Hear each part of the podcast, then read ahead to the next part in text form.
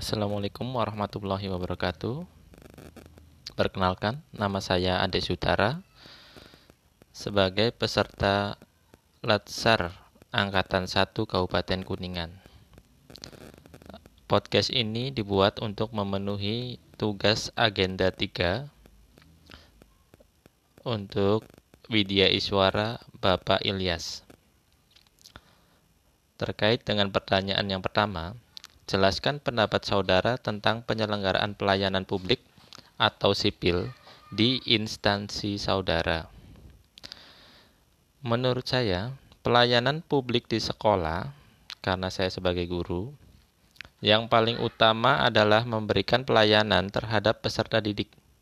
Peserta didik merupakan pengguna layanan, jadi dalam mengajar harus mengedepankan prinsip-prinsip pelayanan publik. Contohnya, seperti transparansi. Karena selain peserta didik, guru juga berhak memberitahu hasil belajar serta perkembangan peserta didik kepada orang tuanya. Selain itu, fasilitas-fasilitas juga dibutuhkan untuk pelayanan yang prima. Di SD Negeri 1 Pesing, tempat saya mengajar, sudah memiliki beberapa fasilitas. Sebagai contoh, ada infokus, dan setiap guru juga sudah mendapatkan laptop. Alat-alat olahraga yang sudah lengkap, dan masih banyak fasilitas-fasilitas penunjang lainnya untuk melayani peserta didik belajar di sekolah. Pertanyaan yang kedua, Jelaskan penerapan konsep WOG atau Whole of Government pada instansi saudara saat ini.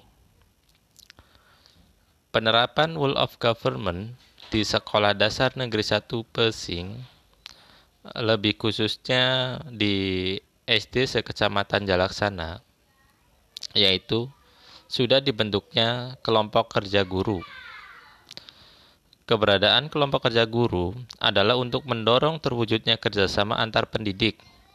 Adapun program rutinnya adalah diskusi permasalahan pembelajaran.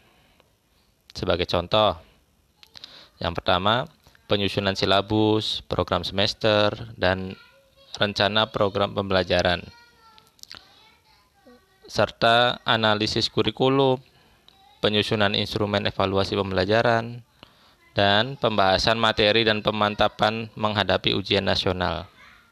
Dengan adanya kelompok kerja guru, ini sangat membantu jika dibandingkan dengan mengerjakannya sendiri. Jelaskan pendapat saudara tentang penerapan sistem merit di instansi saudara saat ini. Sistem merit di instansi saya itu sangat dirasakan oleh saya sendiri. Dari segi perekrutan dilakukan secara terbuka dan transparan. Jadi, orang luar daerah seperti saya punya kesempatan untuk ikut seleksi. Karena betul-betul seleksi secara objektif, yaitu hanya melihat dari kualifikasi dan kompetensi. Selain itu, sebagai guru, adanya pengembangan kompetensi berdasarkan kinerjanya dengan diberikan pendidikan dan pelatihan-pelatihan guna meningkatkan kompetensi profesinya. Bahkan, guru yang sudah memenuhi dan lulus sertifikasi mendapatkan tunjangan profesi guru. Mungkin hanya sekian